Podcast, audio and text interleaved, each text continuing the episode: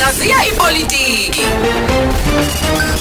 Hlaziya ipolitiki. enhla nasezantsi siyabingelela dedethu benamandla enhla nasezantsi siyabingelela dedethu Mm i- isihloko oqhamuka naso namhlanje sithi abukho ubufakazi bokuthi osomabhizinisi benza ke o- eh, benza eh, eh, osomabhizinisi nezinja benzo uh, osopolitiki abangcono. Kanti ke nawe emlaleli ukuphawula kwakho ke kwamukelekile. Ingabe uqonda ukuthini kulokho osomabhizinisi nezinjinga dadewethu.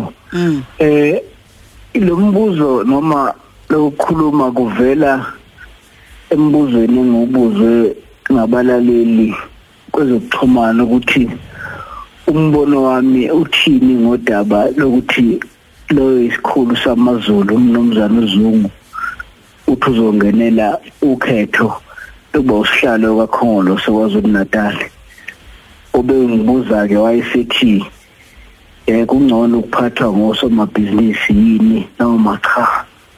Impendulo ke ilula ngedadewethu ngoba ukhona umlando emhlabeni jikelele wabantu abasongo abangosomabhizinisi abaqoma ukungenela ikhundla zepolitiki.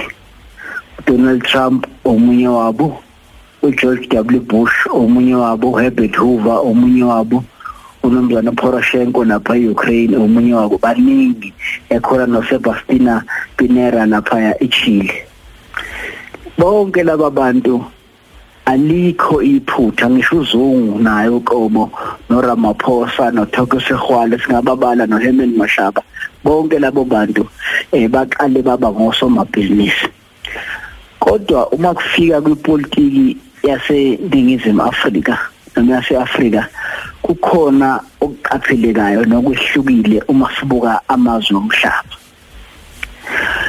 eAfrika labantu esithi bawosomabhizinisi noma yinjinga bawumkhiqizo wezinto ezimbili. Okokuqala baba umkhiqizo weqembu lelo lezombangazwe liberation movement futhi kusuke umuntu okade vele seqinjini bese kuthi mase kutholakala inkululeko bese iqembu limthuma ukuthi akayofundela noma akayoba semabhizinisini. njengoRamaphosa uRamaphosa wajutshwa uMandela ukuthi akayoba usomabhizinisi uThoko Sehwale ngomunye walabo bantu.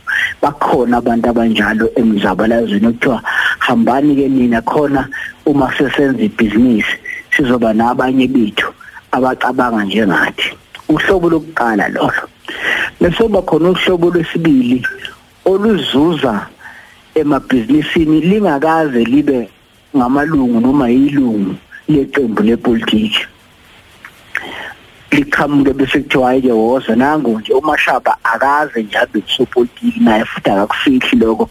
Uqale nje seyocelwa iDA inkinga ke yabantu abanjalo eh ukuthi bayacelwa. Nabo bayasho futhi bathi bayacelwa. Athi cha ngiceliwe mina ukuthi angizongenela ukhetho. Basuke bengekho enhlakeni zeqembu. Usuka nje umuntu kuthiwa nangu lo usesolandela yena ngoba usomabhizinisi ngoba wethembekile.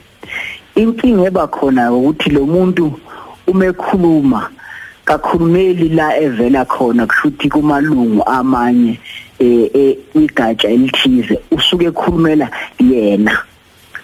Unolaka ke ngoba uma beke bambuza imibuzo labangabamele lapha egatsheni usheshe adinwe asho ukuthi yena angahamba ngoba vese wayeceliwe. Ingakho umashaba ku DA uma esefuna ukuhamba akabizanga umhlangano wegatsha avela kulona ukuthi mina sengiyahamba.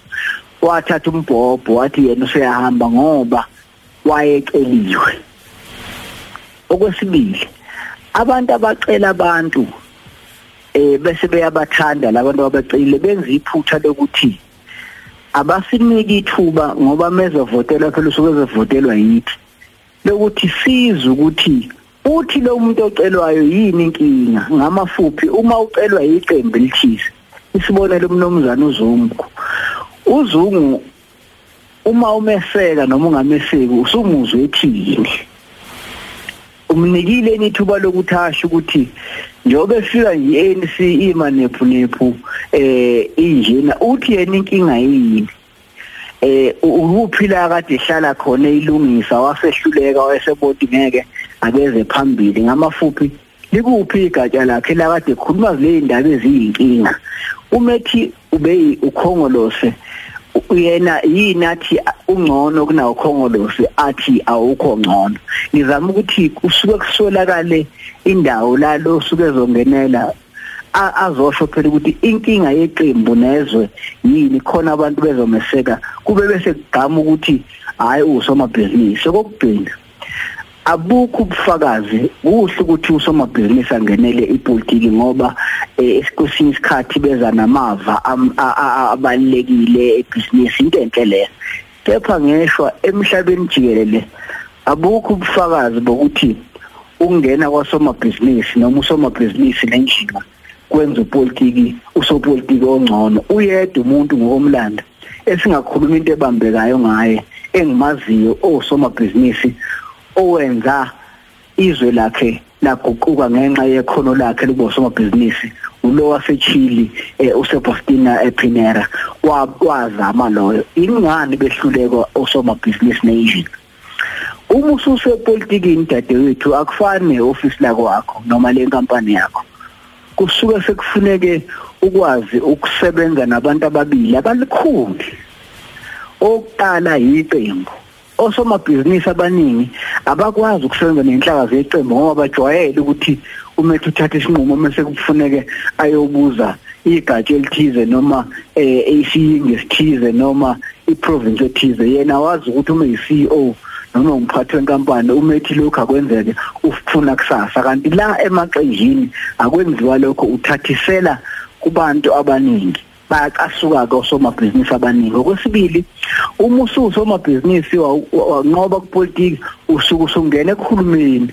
Uhulumeni ke dadewethu akuwona umkhuhlane into lala ungenayo uvuka usunayo. Futhi izinto azenzeki nesikhathi othanda ngaso. Nakhona njengaseqenjini kunezinto eziningi ofuna ukudlule kuzona. Isibonelo nje umnozana Ramaphosa kuwangake ekhuluma izinto ezinhle uma uyilalela njengosomabhizinisi. Uthi awuyakhuluma ke le ndoda kodwa azenzeki ngoba uhulumeni neqembu akufani nebhizinisi nakho. Ingakho ngithi ke yebo laba bangosomabhizinisi nenjinga banelungelo lokuthi bangenele izikhundla banelungelo lokuthi bangenele eh babizwa amaqembu uma bethanda ukubizwa amaqembu. Kodwa abazi ukuthi sebengena komunye umhlaba umhlaba owehlukile okungathi noma bebenza kahle.